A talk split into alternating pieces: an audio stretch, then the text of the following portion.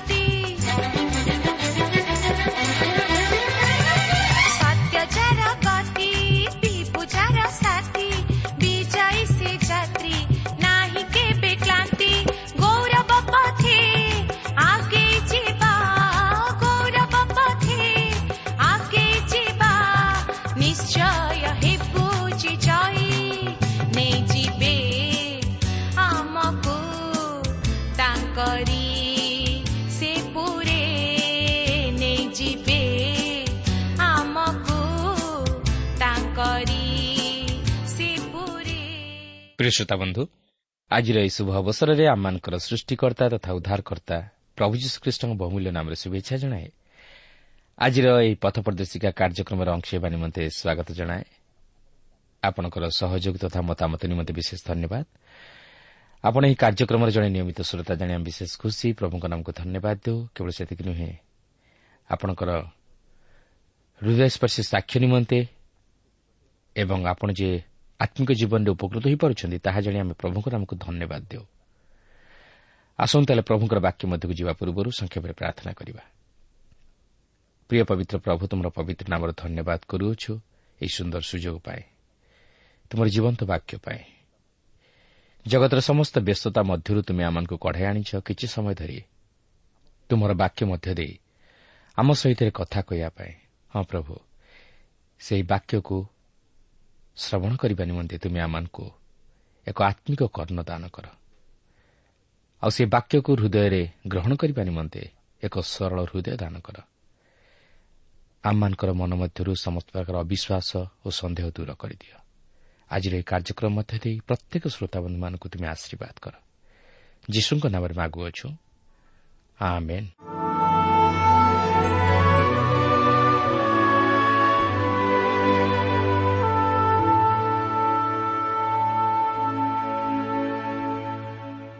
ଆସନ୍ତୁ ବର୍ତ୍ତମାନ ଆମେ ପ୍ରଭୁଙ୍କର ବାକ୍ୟ ମଧ୍ୟକୁ ଯିବା। ଆଜି ଆମେ ପ୍ରଥମ ସାମୁଏଲ ପୁସ୍ତକର ତିରିଶ ଓ ଏକତିରିଶ ପର୍ବ ଦୁଇଟିକୁ ଅଧ୍ୟୟନ କରିବା ନିମନ୍ତେ ଯିବା। ତେବେ ଏଠାରେ ମୁଁ ଆପଣଙ୍କୁ ସ୍ମରଣ କରାଇଦିଏ ଯେ ଗତ ଆଲୋଚନାରେ ଆମେ ଦେଖିଥିଲୁ ଦାଉଦ ପଲେଷ୍ଟିୟମାନଙ୍କ ସହିତ ମିଶି ଇସ୍ରାଏଲ୍ ବିପକ୍ଷରେ ଯୁଦ୍ଧ କରିବାକୁ ଯାଇଥିଲେ। ମାତ୍ର ପଲେଷ୍ଟିୟମାନେ ଦାଉଦଙ୍କୁ ଜଣେ ଇସ୍ରାଏଲୀୟ ଜାଣି ତାହାଙ୍କୁ ସନ୍ଦେହ ଦୃଷ୍ଟିରେ ଦେଖିଥିଲେ ଓ ତାହାଙ୍କୁ ସେମାନଙ୍କ ସହିତ ଯାଇ ଇସ୍ରାଏଲ୍ ବିପକ୍ଷରେ ଯୁଦ୍ଧ କରିବାକୁ ବାରଣ କରିଥିଲେ। ତେବେ ଆଖିସ୍ଙ୍କର ପରାମର୍ଶ କ୍ରମେ ଦାଉଦ ଓ ତାଙ୍କ ସଙ୍ଗୀଗଣ ଯୁଦ୍ଧ ନ କରି ଫେରିଆସିଥିଲେ କିନ୍ତୁ ଇତିମଧ୍ୟରେ ତାହାଙ୍କ ନଗର ପ୍ରତି କ'ଣ ଘଟିଲା ଆସନ୍ତୁ ବର୍ତ୍ତମାନ ଅଧ୍ୟୟନ କରିବାକୁ ଯିବା। ତେବେ ଘଟଣା ହେଉଛି ଯେତେବେଳେ ଦାଉଦ ଓ ତାହାଙ୍କର ଲୋକମାନେ ସେମାନଙ୍କର ଗୃହ ଅର୍ଥାତ୍ ସେହି ଶିକ୍ଳଗ ନଗରରୁ ବାହାରି ଯୁଦ୍ଧ କରିବାକୁ ପଲେଷ୍ଟିୟମାନଙ୍କ ସହିତ ଯାଇଥିଲେ ସେହି ସମୟରେ ଦକ୍ଷିଣରୁ ଶତ୍ରୁମାନେ ଅର୍ଥାତ୍ ସେହି ଅମାଲିକୀୟମାନେ ଆସି ପଲେଷ୍ଟିୟମାନଙ୍କ ଦେଶ ଅଧିକାର କରି ଶିକ୍ଲଗ ନଗର ମଧ୍ୟ ଧ୍ୱଂସ କରିଦେଲେ। ଆପଣ ଯଦି ମାନଚିତ୍ର ଦେଖିବେ ତାହେଲେ ଜାଣିପାରିବେ ଯେ ଏହି ଶିକ୍ଲଗ ନଗର ସେହି ପଲେଷ୍ଟିୟ ଦେଶରେ ବେର ସେବାର ଦକ୍ଷିଣକୁ ଥିଲା। ତେଣୁକରି ଅମାଲିକୀୟମାନଙ୍କ ଦ୍ୱାରା ଏହି ନଗର ବିନଷ୍ଟ ହୋଇଥିଲା। ତିରିଶ ପର୍ବର ପ୍ରଥମ ତିନି ପଦରେ ଏହିପରି ଲେଖା ଅଛି ଏଉତାରେ ଦାଉଦ ଓ ତାଙ୍କର ଲୋକମାନେ ତୃତୀୟ ଦିନରେ ଶିକ୍ଲଗ ନଗରରେ ଉପସ୍ଥିତ ହେଲେ। ସେ ସମୟକୁ ଅମାଲିକୀୟ ଲୋକମାନେ ଦକ୍ଷିଣାଞ୍ଚଳ ଓ ଶିକ୍ଲଗ ଆକ୍ରମଣ କରିଥିଲେ ଓ ଶିକ୍ଲଗକୁ ଆଘାତ କରି ଅଗ୍ନିରେ ଦଗ୍ଧ କରିଥିଲେ। ପୁଣି ତନ୍ମଧ୍ୟସ୍ଥିତ ସ୍ତ୍ରୀମାନଙ୍କୁ ଓ ସାନ ବଡ଼ ସମସ୍ତଙ୍କୁ ବନ୍ଦୀ କରି ନେଇଯାଇଥିଲେ।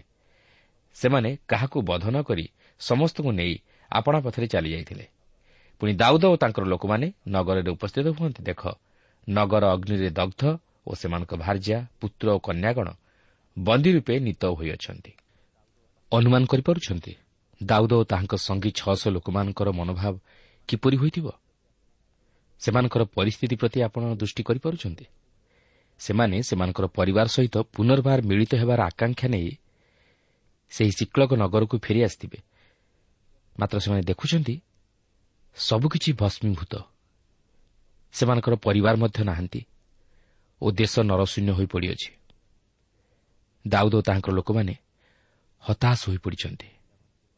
ସେମାନେ ସେମାନଙ୍କର ସ୍ତ୍ରୀ ପିଲାମାନଙ୍କୁ ହରାଇ ବସିଛନ୍ତି। ସେମାନଙ୍କର ପ୍ରିୟଜନମାନେ ନିପାତିତ ହୋଇଅଛନ୍ତି। ସେମାନଙ୍କୁ ପାଛୁଡ଼ି ନେବାକୁ କେହି ନାହିଁ। ଏହିପରି ପରିସ୍ଥିତିରେ ଦାଉଦ ଓ ତାହାଙ୍କର ସଙ୍ଗୀ ଲୋକମାନେ କ'ଣ କରିବେ କିଛି ଭାବିପାରୁନାହାନ୍ତି। ସେମାନେ ରବ ଉଠାଇ ରୋଦନ କରୁଅଛନ୍ତି। ତିରିଶ ପର୍ବର ଚାରି ଓ ପାଞ୍ଚ ପଦରେ ଆମେ ଦେଖୁ ଲେଖା ଅଛି ତେଣୁ ଦାଉଦ ଓ ତାଙ୍କର ସଙ୍ଗୀ ଲୋକମାନେ ଆପଣା ଆପଣା ରବ ଉଠାଇ ରୋଦନ କଲେ। ଏପରିକି ଆଉ ରୋଦନ କରିବାକୁ ସେମାନଙ୍କଠାରେ କିଛି ବଳ ରହିଲା ନାହିଁ। ପୁଣି ଜିଶ୍ରୀ ଏଲିଆ ଅହିନୋୟମ୍ ଓ କର୍ମିଲିୟ ନାବଲର ଭାର୍ଯ୍ୟା ଅବିଗଲ ନାମିନୀ ଦାଉଦଙ୍କର ଦୁଇ ଭାର୍ଯ୍ୟା ବନ୍ଦୀ ହୋଇଥିଲେ। ଏଥିରୁ ଆପଣ ଅନୁମାନ କରିପାରୁଥିବେ ଯେ ସେମାନେ କେତେଦୂର ଦୁଃଖରେ ଭାଙ୍ଗି ପଡ଼ିଥିଲେ। ସେମାନଙ୍କର ପାଦ ଆଉ ଆଗକୁ ଚଳିଲା ନାହିଁ। ଦାଉଦଙ୍କ ନିମନ୍ତେ ମଧ୍ୟ ଏହା ଅତି ଦାରୁଣ ଦୁଃଖଦାୟକ ଥିଲା କାରଣ ସେ ମଧ୍ୟ ତାହାଙ୍କର ଦୁଇ ଭାର୍ଯ୍ୟାଙ୍କୁ ହରାଇଥିଲେ। ଏହାପରେ ତିରିଶ ପର୍ବର ଛଅ ପଦରେ ଲେଖା ଅଛି ଏଥିରେ ଦାଉଦ ଅତିଶୟ ଉଦ୍ବିଗ୍ନ ହେଲେ କାରଣ ପ୍ରତ୍ୟେକ ଲୋକର ମନ ଆପଣା ଆପଣା ପୁତ୍ରକନ୍ୟା ସକାଶୁ ବିରକ୍ତ ହେବାରୁ ଲୋକମାନେ ତାଙ୍କୁ ପଥରରେ ମାରିବାକୁ କହିଲେ। ମାତ୍ର ଦାଉଦ ସଦାପ୍ରଭୁ ଆପଣା ପରମେଶ୍ୱରଙ୍କଠାରେ ଆପଣାକୁ ସବଳ କଲେ। ଦେଖନ୍ତୁ ଦାଉଦ କେବଳ ନିଜର ଦୁଇ ଭାର୍ଯ୍ୟାଙ୍କୁ ହରାଇଥିବାରୁ ଯେ ସେ ଅତି ଦୁଃଖ କରୁଥିଲେ ତାହା ନୁହେଁ। ମାତ୍ର ତାହାଙ୍କର ନିଜ ଲୋକମାନେ ତାହାଙ୍କୁ ଭୁଲ ବୁଝି ତାହାଙ୍କ ଉପରେ ପଥର ଫୋପାଡ଼ିବାକୁ ଉଦ୍ୟତ ହେଉଥିଲେ। ସେମାନେ ଦାଉଦଙ୍କୁ ମୁଖ୍ୟତଃ ଏଥିନିମନ୍ତେ ଦାୟୀ କରିଥିଲେ ଯେହେତୁ ସେ ନେତା ଥିଲେ। ଦାଉଦ ସେହି ଶିକ୍ଳକ ନଗରରୁ ବାହାରି ପଲିଷ୍ଟିମାନଙ୍କ ସହିତ ଯୁଦ୍ଧ କରିବାକୁ ଯିବା ହେତୁ ସେମାନେ ଦାଉଦଙ୍କୁ ମଧ୍ୟ ଦାୟୀ କରିଥିଲେ। ପ୍ରକୃତରେ ଦାଉଦ ପଲିଷ୍ଟିମାନଙ୍କ ସହିତ ମିଶି ଇସ୍ରାଏଲ୍ ବିପକ୍ଷରେ ଯୁଦ୍ଧ କରିବାକୁ ଯିବା ଦ୍ୱାରା ସେ ତାହାଙ୍କ ଜୀବନରେ ଏକ ମସ୍ତ ବଡ଼ ଭୁଲ କରିଥିଲେ ଯାହାକି ସେ ସେପରି କରିବାର ନଥିଲା। ମାତ୍ର ଏଠାରେ ଆମେ ଦାଉଦଙ୍କ ଜୀବନରେ ଏକ ଚମତ୍କାର ବିଷୟ ଲକ୍ଷ୍ୟ କରୁଅଛୁ ଯେ ସେ କୌଣସି ବିଷୟରେ ବ୍ୟତିବ୍ୟସ୍ତ ନ ହୋଇ ଈଶ୍ୱରଙ୍କ ନିକଟରେ ପ୍ରାର୍ଥନାର ସହିତ ନିଜକୁ ସମର୍ପଣ କରି ତାହାଙ୍କଠାରୁ ଶକ୍ତି ଭିକ୍ଷା କଲେ। ସେ ଈଶ୍ୱରଙ୍କଠାରେ ନିଜକୁ ସବଳ କଲେ। ସେ ଲୋକମାନଙ୍କର ନିରୁତ୍ସାହଜନକ କଥାରେ ଭାଙ୍ଗି ପଡ଼ିଲେ ନାହିଁ କି ସେମାନେ ତାହାଙ୍କ ପ୍ରତି ଦୋଷାରୋପ କରିବା ଦ୍ୱାରା ସେ ସେମାନଙ୍କ ପ୍ରତି ନିଜର ବିରକ୍ତିଭାବ ପ୍ରକାଶ କଲେ ନାହିଁ। ମାତ୍ର ଧୈର୍ଯ୍ୟର ସହିତ ସମସ୍ତ ବିଷୟର ମୁକାବିଲା କଲେ ଓ ତାହା ସବୁ ସହ୍ୟ କରିବା ପାଇଁ ଓ ତହିଁର ପ୍ରତିକାର ନିମନ୍ତେ ଉପଯୁକ୍ତ ପଦକ୍ଷେପ ଗ୍ରହଣ କରିବା ପାଇଁ ଈଶ୍ୱରଙ୍କଠାରୁ ଶକ୍ତି ମାଗିଲେ। ହଁ ଦାଉଦଙ୍କ ଜୀବନରେ ପାପ ଦୋଷ ଦୁର୍ବଳତା ଦେଖାଯାଇଥିଲା କାରଣ ସେ ଆମମାନଙ୍କ ପରି ଜଣେ ସାଧାରଣ ମଣିଷ ଥିଲେ। ସେ ଆମମାନଙ୍କ ପରି ମଧ୍ୟ ଅନେକ କିଛି ଭୁଲ କରିଥିଲେ। ମାତ୍ର ସେ ଈଶ୍ୱରଙ୍କଠାରେ ତାହା ସ୍ୱୀକାର କରିଥିଲେ ଓ କ୍ଷମା ମାଗିଥିଲେ। ଫଳରେ ଈଶ୍ୱର ତାହାଙ୍କୁ ଗ୍ରହଣ କରିଥିଲେ। ପ୍ରିୟ ବନ୍ଧୁ ମନୁଷ୍ୟ ମାତ୍ରକେ ଆମେ ସମସ୍ତେ ପାପ କରୁ। ମାତ୍ର ଆମେ ଯଦି ତାହା ସ୍ୱୀକାର କରି ପରିତ୍ୟାଗ କରୁ ତାହେଲେ ତହିଁରେ ମଙ୍ଗଳ ଅଛି। ମାତ୍ର ଯଦି ଶକ୍ତ ଗ୍ରୀବ ହୋଇ ରହୁ ତାହେଲେ ଅମଙ୍ଗଳ ସୁନିଶ୍ଚିତ। ଏହାପରେ ତିରିଶ ପର୍ବର ସାତ ପଦରେ ଆମେ ଦେଖୁ ଲେଖା ଅଛି ଏବଂ ତାର ଦାଉଦ ଅହିମେଲକର ପୁତ୍ର ଅବିଆଥର ଯାଜକକୁ କହିଲେ ମୋ କତିକି ଟିକିଏ ଏଫୋଦ ଆଣିଲ। ତହିଁରେ ଅବ୍ୟାଥର ଦାଉଦଙ୍କ ନିକଟକୁ ଏଫୋଦ ଆଣିଲା। ଆପଣ ଦେଖନ୍ତୁ ଏହି ଏଫୋଦ ମହାଯାଜକଙ୍କର ପରିଧେୟ ବସ୍ତ୍ର ଯାହାକି ସେ ଈଶ୍ୱରଙ୍କ ପବିତ୍ର ଉପସ୍ଥିତି ମଧ୍ୟକୁ ଯିବା ସମୟରେ ପରିଧାନ କରନ୍ତି ଓ ଏହି ବସ୍ତ୍ର ପ୍ରାର୍ଥନାକୁ ଦର୍ଶାଏ। ଏହି ଏଫୋଦ ମହାଯାଜକଙ୍କୁ ନିଶ୍ଚିତ ଭାବରେ ଚିହ୍ନିତ କରେ। ଏହି ଏଫୋଦ ସାଧାରଣ ଯାଜକମାନଙ୍କର ବସ୍ତ୍ରଠାରୁ ଭିନ୍ନ ଥିଲା। ମହାଯାଜକ ସେହି ପ୍ରାର୍ଥନାର ସୁବର୍ଣ୍ଣ ଧୂପବେଦୀ ନିକଟକୁ ପ୍ରାର୍ଥନା କରିବାକୁ ଯିବା ସମୟରେ ଏହି ଏଫୋଦକୁ ପରିଧାନ କରୁଥିଲେ। ଏଥିରେ ଦୁଇଟି ପଥର ଖଞ୍ଜାଯାଇଥିଲା ଯାହାକି ଦୁଇଟି ଯାକ କାନ୍ଧରେ ରଖାଯାଉଥିଲା ଯେଉଁ ପ୍ରସ୍ତର ଉପରେ ଇସ୍ରାଏଲ୍ର ବାରଗୋଷ୍ଠୀଙ୍କ ନାମ ଖୋଦିତ ହୋଇଥିଲା। ଛଅଟି ଗୋଟିଏ ପାଖ କାନ୍ଧରେ ଓ ଅନ୍ୟ ଛଅଟି ଆଉ ଏକ ପାଖ କାନ୍ଧରେ ଖଞ୍ଜାଯାଇଥିଲା ଅନ୍ୟ ଅର୍ଥରେ କହିବାକୁ ଗଲେ ମହାଯାଜକ ଇସ୍ରାଏଲ୍ର ସେହି ବାରଗୋଷ୍ଠୀକୁ ସ୍କନ୍ଧରେ ବହି ପ୍ରାର୍ଥନା କରିବାକୁ ଯାଉଥିଲେ। ଏହା ହେଉଛି ଖ୍ରୀଷ୍ଟଙ୍କର ପ୍ରତୀକ ଯିଏକି ଆମମାନଙ୍କର ପ୍ରଧାନ ମହାଯାଜକ ହୋଇ ଆମ୍ଭମାନଙ୍କୁ ତାହାଙ୍କର ସ୍କନ୍ଧରେ ବହନ କରନ୍ତି। ସେହି ହଜିଲା ମେଣ୍ଢାର କାହାଣୀ ଆପଣଙ୍କର ମନେ ଅଛି? ସେହି ମେଷପାଳକ କ'ଣ କଲା? ସେ ସେହି ମେଣ୍ଢାକୁ ଖୋଜି ପାଇଲା ପରେ ତାହାକୁ ଆପଣାର କାନ୍ଧରେ ପକାଇ ଘରକୁ ନେଇ ଆସିଲା। ମୁଁ ଜାଣେ ନାହିଁ ଆପଣ କିଏ ଓ କେଉଁଠାରେ ରୁହନ୍ତି? କିନ୍ତୁ ମୁଁ ଜାଣେ ଆପଣ ଯେ କେହି ହୁଅନ୍ତୁ ନା କାହିଁକି ଓ ଯେଉଁଠାରେ ରୁହନ୍ତୁ ନା କାହିଁକି ପ୍ରଭୁ ଯୀଶୁ ଆପଣଙ୍କୁ ଖୋଜି ବାହାର କରି ତାହାଙ୍କର କାନ୍ଧରେ ଥୋଇ ଆପଣଙ୍କୁ ତାହାଙ୍କର ମେଷଶାଳା ମଧ୍ୟକୁ ନେଇ ଆସିବେ। ସେଥିପାଇଁ ଏମିତି ସାତ ପର୍ବର ପଚିଶ ପଦରେ ଲେଖା ଅଛି ଅତଏବ ତାହାଙ୍କ ଦ୍ୱାରା ଯେଉଁମାନେ ଈଶ୍ୱରଙ୍କର ନିକଟବର୍ତ୍ତୀ ହୁଅନ୍ତି ସେମାନଙ୍କୁ ସେ ସମ୍ପୂର୍ଣ୍ଣ ରୂପେ ପରିତ୍ରାଣ ଦେବାକୁ ସକ୍ଷମ ଅଟନ୍ତି। ଜଣେ ସେମାନଙ୍କ ନିମନ୍ତେ ନିବେଦନ କରିବା ପାଇଁ ସେ ନିତ୍ୟ ଜୀବିତ। ଏହାପରେ ତିରିଶ ପର୍ବର ଆଠ ପଦରେ ଆମେ ଦେଖୁ ଯେ ଦାଉଦ ସେହି ପ୍ରାର୍ଥନାରେ ପୋଧ ପରିଧାନ କରି ଈଶ୍ୱରଙ୍କ ନିକଟରେ ପ୍ରାର୍ଥନାର ସହିତ ତାଙ୍କର ଚାଳନା ଲୋଡ଼ିଲେ ଓ ତାହାଙ୍କର ଇଚ୍ଛା ଅନୁଯାୟୀ କାର୍ଯ୍ୟ କରିବା ନିମନ୍ତେ ତାହାଙ୍କର ଇଚ୍ଛାକୁ ଜାଣିବା ନିମନ୍ତେ ଚେଷ୍ଟା କଲେ। ଈଶ୍ୱର ମଧ୍ୟ ଦାଉଦଙ୍କୁ ଉତ୍ସାହ ପ୍ରଦାନ କରି ତାହାଙ୍କ ଶତ୍ରୁମାନଙ୍କର ପିଛା କରି ସେମାନଙ୍କୁ ଧରିବା ପାଇଁ କହିଲେ। ଦାଉଦ ଯେ ସେମାନଙ୍କ ବିରୁଦ୍ଧରେ ଯାଇ ସଫଳତା ଲାଭ କରିବେ ଏହା ମଧ୍ୟ ଈଶ୍ୱର ଦାଉଦଙ୍କୁ ଜଣାଇଦେଲେ। ଏହାପରେ ତିରିଶ ପର୍ବର ନଅ ଓ ଦଶ ପଦରେ ଆମେ ଦେଖୁ ଯେ ଦାଉଦ ଚାରିଶହ ଲୋକଙ୍କ ସଙ୍ଗରେ ନେଇ ସେହି ଅମାଲିକୀୟମାନଙ୍କର ପିଛା କଲେ। କିନ୍ତୁ ଆଉ ବାକି ଦୁଇଶହ ଜଣ ପଛରେ ରହିଯାଇଥିଲେ ଯେହେତୁ ସେମାନେ ଅତି କ୍ଲାନ୍ତ ହୋଇଯାଇଥିଲେ।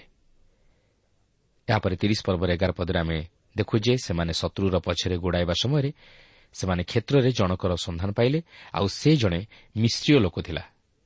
ସେ ଅସୁସ୍ଥ ଥିଲା ଓ ଦାଉଦଙ୍କୁ କହିଲା ଯେ ସେ ଜଣେ ଅମାଲେକୀୟ ଅଧିପତିର ଦାସ। ଯେତେବେଳେ ସେ ଅସୁସ୍ଥ ହୋଇପଡ଼ିଲା ସେମାନେ ତାହାକୁ ସେହି ପ୍ରାନ୍ତର ମଧ୍ୟରେ ଛାଡ଼ି ଚାଲିଗଲେ। ତେବେ ଦାଉଦ ସେହି ଲୋକକୁ ନେଇ ତାହାର ଯତ୍ନ ତତ୍ତ୍ୱ ନେଲେ ମାତ୍ର ଏଥିସହିତ ମଧ୍ୟ ତାହାଙ୍କୁ ଶତ୍ରୁର ପିଛା କରିବାକୁ ଥିଲା। ସେମାନେ କେଉଁଠାରେ ଅଛନ୍ତି ତାହା ସେ ଜାଣିବାକୁ ଚାହିଁଲେ। ତେବେ ସେହି ମିଶ୍ରୀୟ ଲୋକଟି ଦାଉଦଙ୍କୁ ସେ ଜାଣିଥିବା କେତେକ ବିଷୟ ଜଣାଇବ ବୋଲି କହିଲା। ଯଦି ଦାଉଦ ତାହାକୁ ନେଇ ତାହାର କର୍ତ୍ତାର ହସ୍ତରେ ତାହାକୁ ସମର୍ପଣ ନ କରନ୍ତି।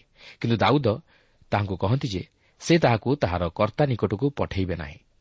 ତେବେ ସେହି ମିଶ୍ରୀୟ ଲୋକ ସେହି ଶିକ୍ଳଗରେ ଘଟିଥିବା ସମସ୍ତ ବିଷୟ ଦାଉଦଙ୍କୁ ଜଣାଇଲା ଓ ଏହାପରେ ସେ ଦାଉଦ ଓ ତାଙ୍କର ସଙ୍ଗୀମାନଙ୍କୁ ସେହି ଅମାଲିକ୍ୟମାନଙ୍କ ଆଡ଼କୁ କଢ଼ାଇ ନେଲା। ଦାଉଦ ସେହି ଅମାଲିକ୍ୟମାନଙ୍କ ଉପରେ ଅଚାନକ ଆକ୍ରମଣ କଲେ ଓ ସେମାନଙ୍କ ହସ୍ତରୁ ସମସ୍ତ ବିଷୟ ଉଦ୍ଧାର କଲେ। ସେ ସେହି ଅମାଲିକମାନଙ୍କ ଉପରେ ବିଜୟୀ ହେଲେ। ଏହାପରେ ତିରିଶ ପର୍ବର ବାର ପଦରୁ ସତର ପଦ ମଧ୍ୟରେ ଆମେ ଦେଖୁ ଯେ ସେହି ଅମାଲିକମାନଙ୍କ ମଧ୍ୟରୁ କେବଳ ଚାରିଶହ ଯୁବା ଲୋକ ଓଟ ଚଢ଼ି ପଳାଇଲେ ମାତ୍ର ଅବଶିଷ୍ଟ ଲୋକଙ୍କୁ ସେ ବିନାଶ କଲେ। ଯେତେବେଳେ ଯୁଦ୍ଧ ଶେଷ ହେଲା ଦାଉଦ ଶିକ୍ଲଗ ନଗରକୁ ଫେରିଆସିଲେ ସଙ୍ଗରେ ତାହାଙ୍କର ଦୁଇ ଭାର୍ଯ୍ୟା ଏବଂ ପିଲାମାନଙ୍କୁ ଓ ସମସ୍ତ ଗୋମେସାଦୀ ପଲ ପ୍ରଭୃତିଙ୍କୁ ମଧ୍ୟ ନେଇକରି ବାହୁଡ଼ି ଆସିଲେ। ଏହିସବୁ ସେ ଅମାଲିକମାନଙ୍କ ହସ୍ତରୁ ଉଦ୍ଧାର କଲେ। ଏହାପରେ ତିରିଶ ପର୍ବର ଅଠର ପଦରୁ ପଚିଶ ପଦରେ ଆମେ ଦେଖୁ ଯେ ଦାଉଦଙ୍କ ଲୋକମାନଙ୍କ ମଧ୍ୟରେ ଏକ ଯୁକ୍ତି ଚାଲିଥିଲା ଯେ ଯୁଦ୍ଧକୁ ନ ଯିବା ଲୋକ ସେମାନଙ୍କ ସହିତ ଭାଗ ପାଇବେ କି ନାହିଁ? ମାତ୍ର ଦାଉଦ ସେଠାରେ ଏକ ନୀତି ନିର୍ଦ୍ଧାରଣ କରନ୍ତି ଯାହାକି ଆଜି ପର୍ଯ୍ୟନ୍ତ ମଧ୍ୟ ତାହା ପାଳିତ ହୋଇ ଆସୁଅଛି। ତାହା ହେଉଛି ଯୁଦ୍ଧକୁ ଗମନକାରୀ ଲୋକ ଯେପରି ଆପଣ ଅଂଶ ପାଇବ ସାମଗ୍ରୀ ନିକଟରେ ରହିବା ଲୋକ ସେପରି ଅଂଶ ପାଇବ। ଏଥିରୁ ଆମେ ଦାଉଦଙ୍କର ନ୍ୟାୟପରାୟଣତାର ଜୀବନକୁ ଲକ୍ଷ୍ୟ କରିବାକୁ ପାରୁ। ସେ ନ୍ୟାୟ ରକ୍ଷା କରୁଥିଲେ କିନ୍ତୁ ଅନ୍ୟାୟ କରୁନଥିଲେ। କେବଳ ସେତିକି ନୁହେଁ ଦାଉଦ ଯେଉଁ ସମସ୍ତ ଦ୍ରବ୍ୟ ସେହି ଅମାଲିକମାନଙ୍କଠାରୁ ଲୁଟି କରି ଆଣିଥିଲେ ସେହି ସମସ୍ତ ଦ୍ରବ୍ୟକୁ ସେ କେବଳ ନିଜ ନିମନ୍ତେ ରଖିଲେ ନାହିଁ ମାତ୍ର ତାଙ୍କର ଲୋକମାନଙ୍କୁ ଦେବା ସଙ୍ଗେ ସଙ୍ଗେ ଅନ୍ୟମାନଙ୍କୁ ମଧ୍ୟ ବାଣ୍ଟି ଦେଇଥିଲେ। ଏହାପରେ ତିରିଶ ପର୍ବର ଛବିଶରୁ ଏକତିରିଶ ପଦରେ ଆମେ ଦେଖୁ ଯେ ଦାଉଦ ଚାହିଁଥିଲେ କ'ଣ ସେହିସବୁ ଲୁଟିତ ଦ୍ରବ୍ୟ ସେ ନିଜ ନିମନ୍ତେ ରଖିପାରିନଥାନ୍ତେ ମାତ୍ର ସେ ଧନ ପ୍ରତି ଲାଳାୟିତ ନଥିଲେ।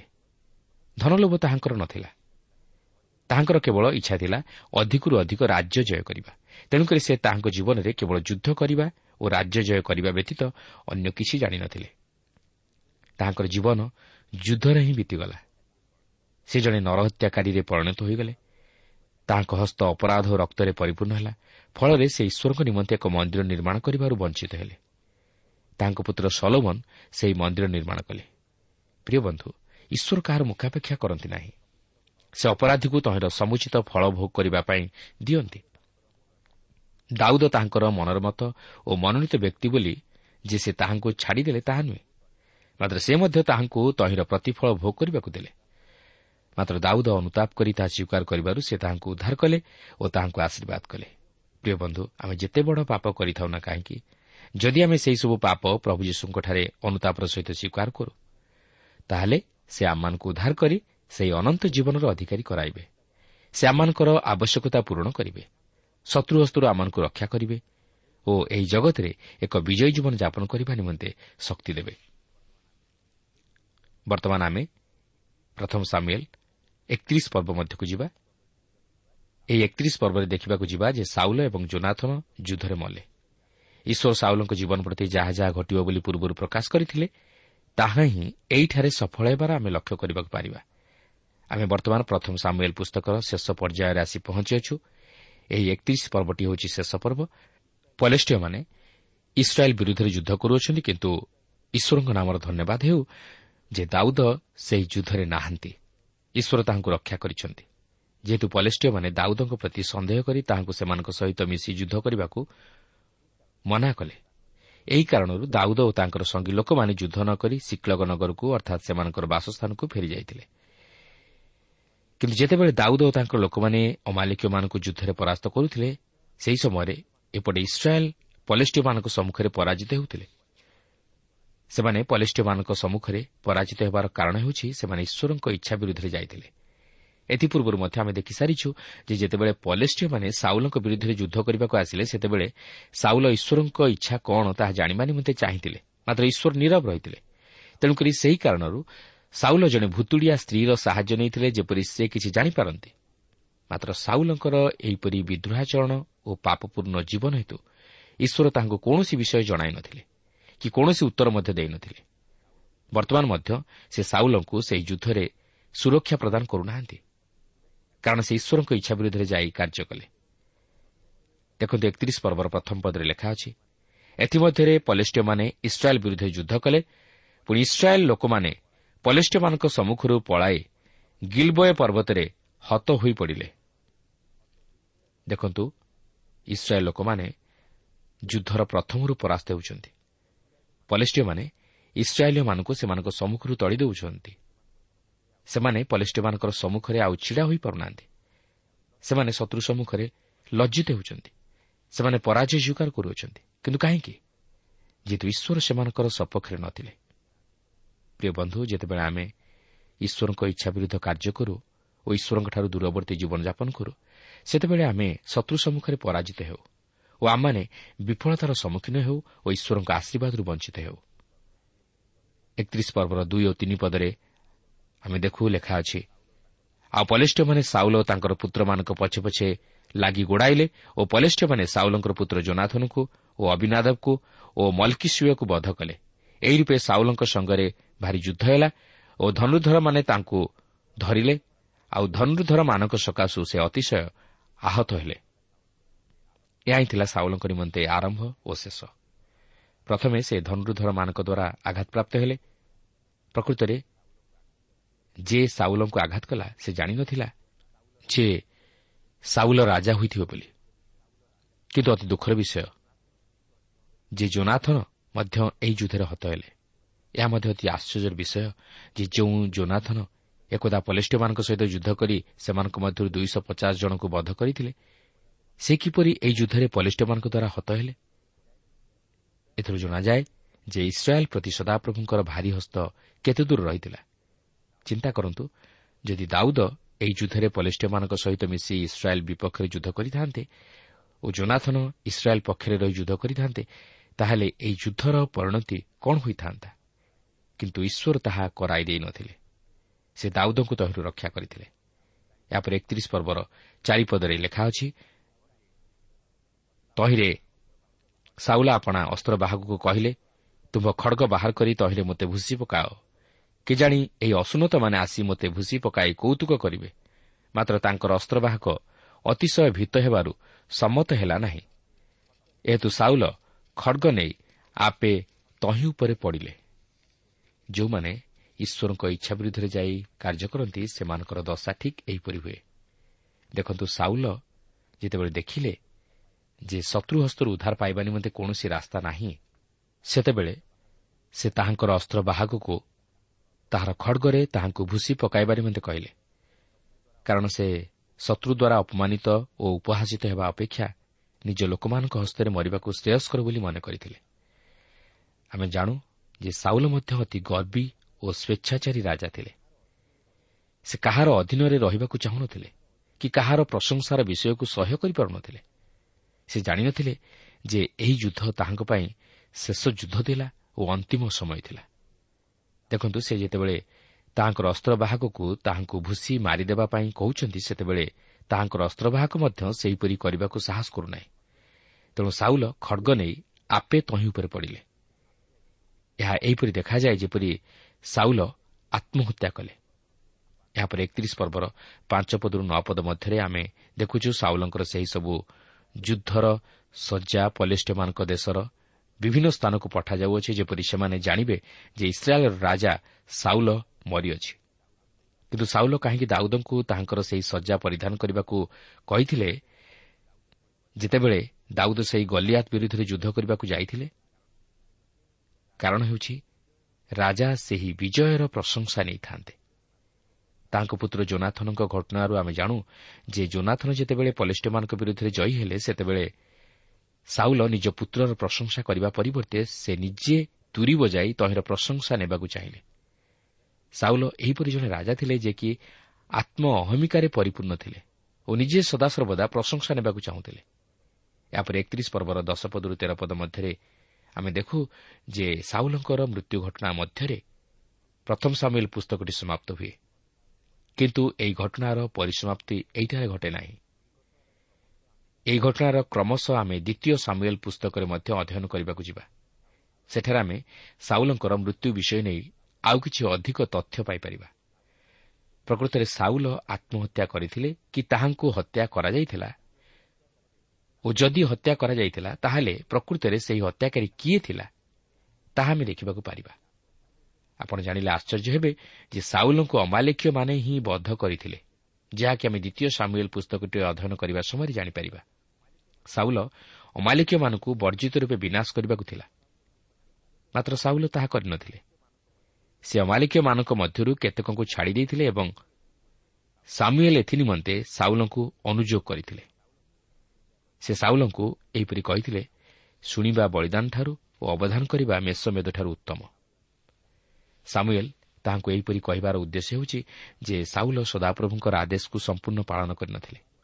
ସଦାପ୍ରଭୁ ତାହାଙ୍କୁ କହିଥିଲେ ଅମାଲିକୀୟମାନଙ୍କୁ ସମୂଳେ ବିନାଶ କର ସେମାନଙ୍କର କାହାରିକୁ ଛାଡ଼ିଦିଅ ନାହିଁ। ମାତ୍ର ସାଉଲ ଯଦିଓ ଅମାଲିକୀୟମାନଙ୍କୁ ବଧ କରିଥିଲେ ମାତ୍ର ସମ୍ପୂର୍ଣ୍ଣ ନୁହେଁ। ସେ ଅମାଲିକୀୟମାନଙ୍କ ରାଜା ଅଗାଗକୁ ଛାଡ଼ି ଦେଇଥିଲେ ଓ ଅମାଲିକୀୟମାନଙ୍କର ହୃଷ୍ଟପୃଷ୍ଟ ପଶୁଗୁଡ଼ିକୁ ମଧ୍ୟ ବଧ ନ କରି ତାହାଙ୍କ ସହିତ ନେଇ ଆସିଥିଲେ। ତେଣୁକରି ସଦାପ୍ରଭୁ ସାମୁଏଲ୍ଙ୍କ ମୁଖ ଦ୍ୱାରା ସାଉଲଙ୍କ ପ୍ରତି ଯାହା ଯାହା ଘଟିବାକୁ ଯାଉଥିଲା ତାହା ପ୍ରକାଶ କରିଦେଇଥିଲେ। ତାହାଙ୍କଠାରୁ ଯେ ରାଜ୍ୟ ଛଡ଼ାଇ ନିଆଯିବ ତାହା ମଧ୍ୟ ଜଣାଇ ଦେଇଥିଲେ। ଈଶ୍ୱର ସାଉଲଙ୍କ ଜୀବନରୁ ବାଧ୍ୟତା ଚାହିଁଥିଲେ। ମାତ୍ର ସାଉଲ ଈଶ୍ୱରଙ୍କର ବାଧ୍ୟ ହୋଇପାରିନଥିଲେ। ସେ ନିଜର ସ୍ୱେଚ୍ଛାଚାରିତାରେ କାର୍ଯ୍ୟ କଲେ ଆଉ ତାହା ଈଶ୍ୱରଙ୍କ ଦୃଷ୍ଟିରେ ଗ୍ରହଣଯୋଗ୍ୟ ନଥିଲା। ତେଣୁକରି ଈଶ୍ୱରଙ୍କ କ୍ରୋଧ ସାଉଲଙ୍କ ଉପରେ ବର୍ତ୍ତିଲା ଓ ସେ ଈଶ୍ୱରଙ୍କ ଦ୍ୱାରା ବିଚାରିତ ହେଲେ। ଯେଉଁ ଅମାଲିକମାନଙ୍କୁ ସେ ଛାଡ଼ି ଦେଇଥିଲେ ସେହି ଅମାଲିକମାନଙ୍କ ହସ୍ତରେ ତାହାଙ୍କର ମୃତ୍ୟୁ ହେଲା। ପ୍ରିୟ ବନ୍ଧୁ ଈଶ୍ୱର ଚାହାନ୍ତି ଆମମାନଙ୍କ ଜୀବନରୁ ବାଧ୍ୟତା। କାରଣ ଶୁଣିବା ବଳିଦାନଠାରୁ ଉତ୍ତମ। ଆମେ ଈଶ୍ୱରଙ୍କର ଅବାଧ୍ୟ ହୋଇ ଓ ତାହାଙ୍କର ଇଚ୍ଛା ବିରୁଦ୍ଧ କାର୍ଯ୍ୟ କରି ଯେତେ ତାହାଙ୍କର ସେବା ଉପାସନା କଲେ ମଧ୍ୟ ବା ତାହାଙ୍କ ଉଦ୍ଦେଶ୍ୟରେ ଦାନ ଧର୍ମ କଲେ ମଧ୍ୟ ଆମେ ତାହାଙ୍କୁ ସନ୍ତୁଷ୍ଟ କରିପାରିବା ନାହିଁ କି ତାହାଙ୍କର ସନ୍ତୋଷ ପାତ୍ର ହୋଇପାରିବା ନାହିଁ। ଯେପରି ଆମେ ନିଜର ସନ୍ତାନ ସନ୍ତତିମାନଙ୍କଠାରୁ ବାଧ୍ୟତା ଆଶା କରୁ ସେହିପରି ପ୍ରଭୁ ଆମମାନଙ୍କ ଜୀବନରୁ ବାଧ୍ୟତା ଆଶା କରନ୍ତି। ଯଦି ଆମେ ଈଶ୍ୱରଙ୍କର ବାଧ୍ୟ ନୋହୁଁ ତାହେଲେ ଆମମାନେ ତାହାଙ୍କର ସନ୍ତୋଷ ଭାଜନ ହୋଇପାରିବା ନାହିଁ। ସାଉଲ ଈଶ୍ୱରଙ୍କ ଆଜ୍ଞାର ଅବାଧ୍ୟ ହେବାରୁ ସେ ଈଶ୍ୱରଙ୍କ ଆଶୀର୍ବାଦରୁ ବଞ୍ଚିତ ହେଲେ। କେବଳ ସେତିକି ନୁହେଁ ସେ ରାଜପଦରୁ ମଧ୍ୟ ବିତାଡ଼ିତ ହେଲେ। ତାଙ୍କର ମୃତ୍ୟୁ ମଧ୍ୟ ଏକ ରହସ୍ୟଜନକ ମୃତ୍ୟୁ। ସେ ଶତ୍ରୁ ସମ୍ମୁଖରେ ପତିତ ହେଲେ। ଆପଣ ପ୍ରଶ୍ନ କରିପାରନ୍ତି ଯେ ଈଶ୍ୱରଙ୍କ ଇଚ୍ଛାକୁ ଆମେ ଜାଣିବା କିପରି? ଈଶ୍ୱରଙ୍କ ଇଚ୍ଛାକୁ ଜାଣିବା ଅର୍ଥ ତାଙ୍କର ବାକ୍ୟକୁ ଜାଣିବା। ଈଶ୍ୱର ତାଙ୍କର ଇଚ୍ଛା ତାଙ୍କର ବାକ୍ୟ ମଧ୍ୟ ଦେଇ ପ୍ରକାଶ କରିଅଛନ୍ତି। ଏପରି କୌଣସି ବିଷୟ ନାହିଁ ଯାହାକି ପବିତ୍ର ବାଇବଲ ତହିଁର ସମାଧାନ ନିମନ୍ତେ ଉତ୍ତର ଦେଇନପାରେ ଜୀବନର ପ୍ରତ୍ୟେକଟି ସମସ୍ୟା ତଥା ଘଟଣା ଓ ପ୍ରତ୍ୟେକ ପରିସ୍ଥିତି ନିମନ୍ତେ ଈଶ୍ୱରଙ୍କ ବାକ୍ୟ ହିଁ ଏକମାତ୍ର ସହାୟକ। ତେଣୁ ଈଶ୍ୱରଙ୍କ ବାକ୍ୟକୁ ଭଲ ଭାବେ ଜାଣିବା ଓ ତାହାର ନିଗୁଢ଼ ତତ୍ତ୍ୱକୁ ବୁଝିବା ଓ ତାହାକୁ ଆମର ଦୈନନ୍ଦିନ ଜୀବନର ପ୍ରତ୍ୟେକଟି କ୍ଷେତ୍ରରେ ପ୍ରୟୋଗ କରିବା ନିତାନ୍ତ ଆବଶ୍ୟକ। ତେଣୁ ଆସୁ ଈଶ୍ୱରଙ୍କ ବାକ୍ୟର ବଶୀଭୂତ ହୋଇ ତାହାଙ୍କର ଇଚ୍ଛାକୁ ସଫଳ କରି ଈଶ୍ୱରଙ୍କର ଆଶୀର୍ବାଦର ଅଧିକାରୀ ହେଉ।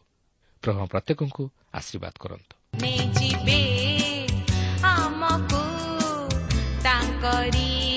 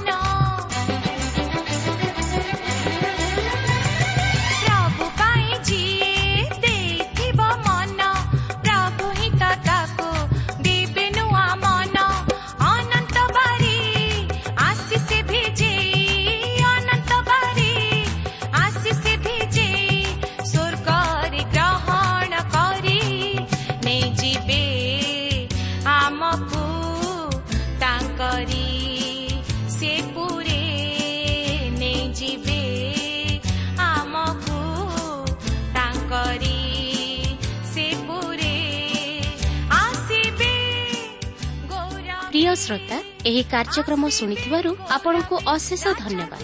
ଏହି କାର୍ଯ୍ୟକ୍ରମ ଆପଣଙ୍କୁ କିପରି ଲାଗିଲା ଓ କେଉଁ ବିଷୟଟି ଆପଣଙ୍କ ହୃଦୟକୁ ଅଧିକ ସ୍ପର୍ଶ କରିଛି ତାହା ଲେଖି ଜଣାଇଲେ ଆମେ ବିଶେଷ ଉପକୃତ ହେବୁ।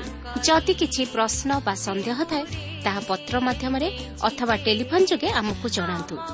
ଆମର ଠିକଣା ପଥ ପ୍ରଦର୍ଶିକା trans world radio India post box number ତିନି ତିନି ଭୁବନେଶ୍ୱର ସାତ ପାଞ୍ଚ ଏକ ଶୂନ ଶୂନ ଏକ mobile number nine seven double seven double two one four one five ଠିକଣାଟି ଆଉଥରେ ଶୁଣନ୍ତୁ ପଥ ପ୍ରଦର୍ଶିକା trans world radio India post box number three three Bhubaneswar seven five one zero zero one mobile number nine seven double seven double two one four one five ଆମର email ଆଡ୍ରେସଟି ଲେଖି ରଖନ୍ତୁ Odia TTV at radio eight eight two dot com ତେବେ ଆଜି ପାଇଁ ଏଠାରେ ରଖୁଛୁ। ନମସ୍କାର।